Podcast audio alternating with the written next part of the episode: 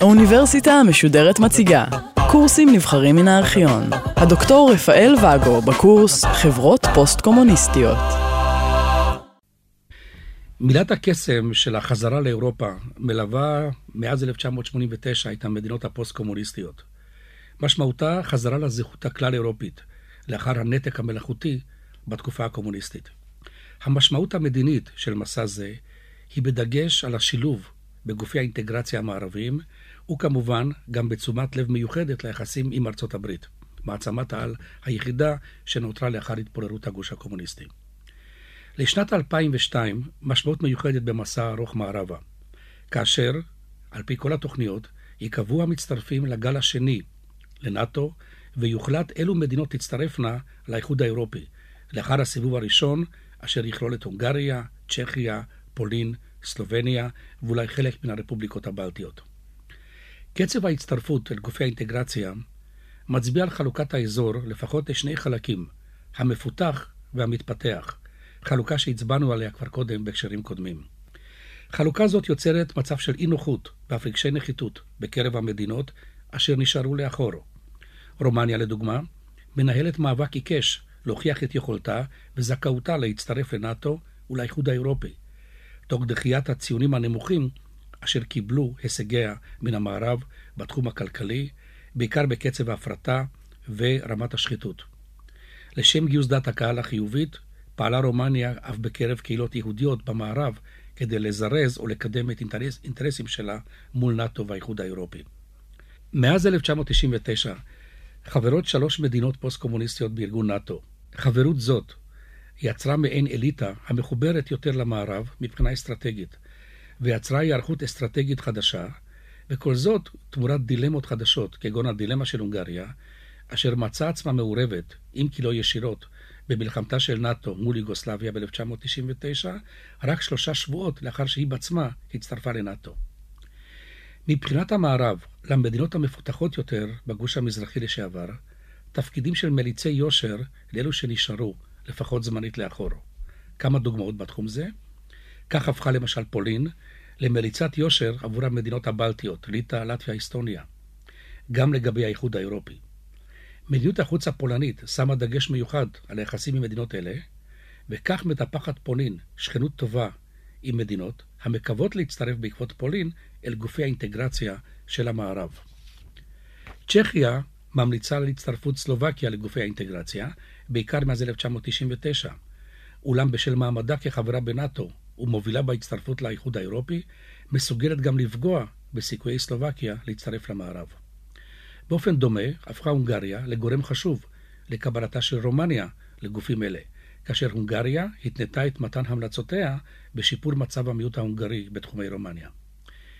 על פי המציאות החדשה, גובלות החברות החדשות בנאט"ו, המצטרפות הראשונות לאיחוד האירופי, לקראת 2003-2004, במדינות השייכות, במקרה הטוב, לגל השני של ההצטרפות. הצלחת המדינות הבוגרות מדרבנת ללא ספק את שאר המדינות, אולם גם כאן היבט נוסף לתופעה הזאת. המדינות הממתינות בתור להצטרף לגופי האינטגרציה של המערב יוצרות מעין מועדון של מקופחות, מנסות לגייס דעת קהל ותמיכה מערבית למען התקרבות למערב, ונוהגות להגיב בעלבון צורב כאשר נדחות, לפחות זמנית, על ידי המערב. הציפיות לקראת ההצטרפות לאיחוד האירופי גבוהות ותופסות מקום חשוב בסדר העדיפויות של מדינות האזור. אולם יש גם לא מעט אכזבות.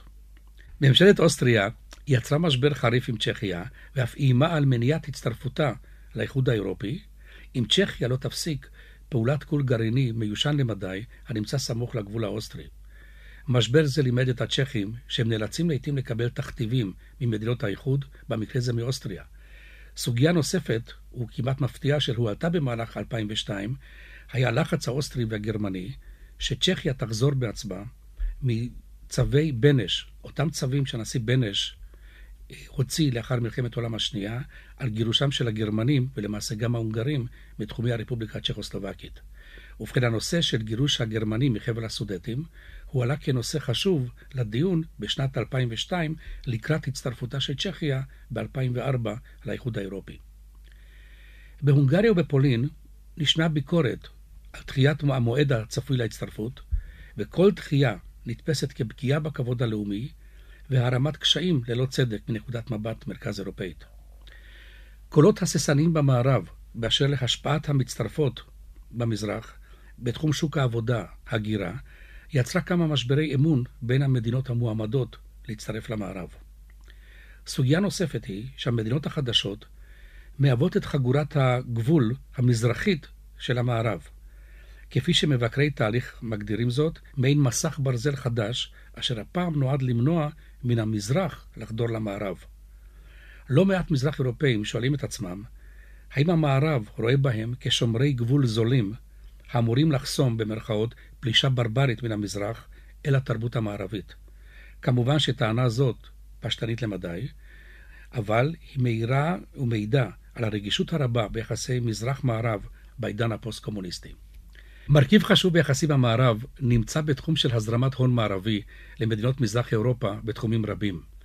כספים רבים זורמים מן המערב מזרחה לתוכניות פיתוח, הכשרה, לא רק מבחינה כלכלית, אלא גם להכשרת כוח אדם בתחומי המדע והמחקר. מתנגדי תהליך המערביזציה טוענים שמדובר בעצם באימפריאליזם תחת כיסוי האינטגרציה.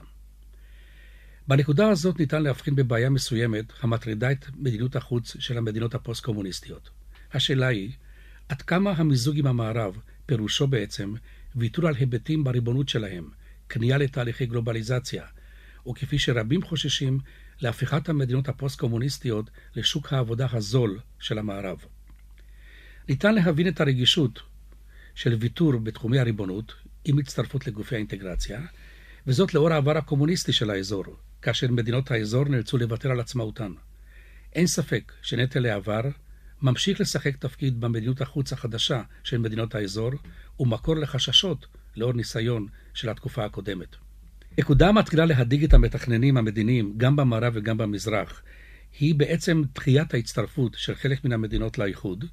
הדחייה יוצרת ירידה בהתלהבות או בנכונות של המדינות הללו להצטרף לאיחוד ככל שהזמן עובר. פולין היא דוגמה בולטת לכך. כאשר ממשלה מורכבת מקומוניסטים לשעבר דוחפת לאיחוד, כוחות לאומנים מתנגדים, כולל תחנת רדיו נוצרית, רדיו מריה, שהיא גם אנטישמית אמנם, ולאומנית, בעוד שהממשלה עצמה מגייסת את הכנסייה למען הצטרפות לאיחוד. לזחילה מערבה של נאט"ו והאיחוד משמעויות מעבר לאזור הפוסט-קומוניסטי במזרח אירופה. מדובר בעצם לא רק בחזרה לאירופה, אלא בהכללת רוסיה בתהליכים אלו. כיצד יגיבו המדינות הפוסט-קומוניסטיות כאשר הצטרפות רוסיה תעמוד על הפרק לנאט"ו ולאיחוד האירופי אולי? האם ינסו לדחות אותה על הסף, או יראו בשילובה של רוסיה בבית האירופי, כהגדרתו של גורבצ'וב בזמנו, תהליך טבעי ואף רצוי. בתחום זה מציעות מדינות מזרח אירופה את עצמן כמעין מתווכות, גשר אל רוסיה ומדינות חבר העמים, על משקל של אנו מכירים אותם די מקרוב כבר. תנו לנו לגשש מה קורה במוסקבה, גישה שספק אם מתקבלת ברצינות במערב, אולם היא מצביעה היטב על מיקומה של מזרח אירופה מבחינה גיאופוליטית בין רוסיה לבין המערב, נושא שכבר הזכרנו בשיחות קודמות. אולם נדמה שבתחום זה הולכת ומאבדת מזרח אירופה את יתרונה כקרובה יותר אל המערב מאשר רוסיה, וכבעלת ניסיון ביחסים עם רוסיה. תהליכי ההתקרבות בין נאט"ו לרוסיה, ולמעשה צירופה של רוסיה לפעילות נאט"ו בתחומי הטרור ותחומים אחדים החל מסוף מאי 2002, הביא לתחושה מזרח אירופאית שהמערב עקף אותם בצעדי ההתקרבות המהירים מדי כלפי רוסיה, אולי עוד סיבה נוספת לאכזבות המצטברות במזרח כלפי המערב. כמובן שלא כל נושאי מדיניות החוץ מופנים אל הנושא האירופי. ארצות הברית נמצאת בסולם העדיפויות של הדיפלומטיה הפוסט-קומוניסטית, ולא אחת קיימת מעין תחרות בין מנהיגי האזור על משך שיחת מנהיג זה או אחר עם נשיא ארצות הברית בבית הלבן. בשנים הראשונות היה זה ואצלב האוול, אשר התקבל לעיתים קרובות בחוגי הממשל והחברה בארצות הברית, כמעין מלך פילוסוף המייצג את האזור כולו. גם נשיא פולין בזמנו, לך ולנסה, ייצג את מיתוס השחרור מן הקומוניזם בבית הלבן. היבט אחר במדיניות החוץ של המדינות הפוסט-קומוניסטיות הוא בתחושת אובדן אינטרס מדיני וטיפוח יחסים עם מדינות שמחוץ לאירופה וצפון אמריקה. אמנם קשה לדבר על מדיניות מזרח אירופאית בנושא המזרח תיכון לדוגמה, אולם בשנים האחרונות מורגשת התעוררות מסוימת בהתעניינות במדינות מזרח אירופה השונות כלפי אזורים נוספים בעולם, כגון המזרח הרחוק, הודו, אפריקה ודרום אמריקה. למרות מגבלות תקציביות ואף סגירת נציגויות, חסידי הראייה הגלובלית יותר של מדיניות החוץ מדגישים את הנורמלי או הנורמטיביות שביחסים עם יתר חלקי העולם ולא רק עם מערב אירופה וארצות הברית. גם לראייה הגלובלית יותר במדיניות החוץ יש מבקרים, הטוענים שלמעשה האינטרס הפרו-מערב אירופאי ואמריקאי מכתיב להם קו דומה במדיניות החוץ של מדינות מזרח אירופה עם מדינות אחרות, ומכאן גם שאין אולי מקום לטפח יחסי כלכלה עם מדינות אחרות באזורים אחרים, ואין למעשה למדינות מרכז-מזרח אירופה מה לחפש באזורים אחרים, כיוון שאין למעשה אינטרסים ייחודיים ברגע שהן תצטרפנה לנאט"ו ולאיחוד האירופי. אולם למרות ביקורת זאת, בונות מדינות מזרח אירופה קשרים ענפים עם מדינות שונות, ומנסות על ידי כך להוכיח שגם בעידן הפוסט-קומוניסטי, כאשר חלוקת התפקידים המסורתית בין ברית המועצות לגרורותיה כבר לא קיימת, הרי יש אינטרס למדינות מזרח אירופה לפתח קשרים ענפים גם מחוץ לאירופה. אולי ההוכחה למעורבות היא ההשתתפות בפעילות בינלאומית לשמירת שלום במסגרת הוועידה לביטחון ושיתוף פעולה באירופה, שם למשל שלחו מדינות מזרח אירופה משקיפים לצ'צ'ניה. מדינות מרכז מזרח אירופה מוכנות לתרום לפתרון משברים במוקדי מתיחות ומציעות עצמן כמתווכות בנושאים הללו.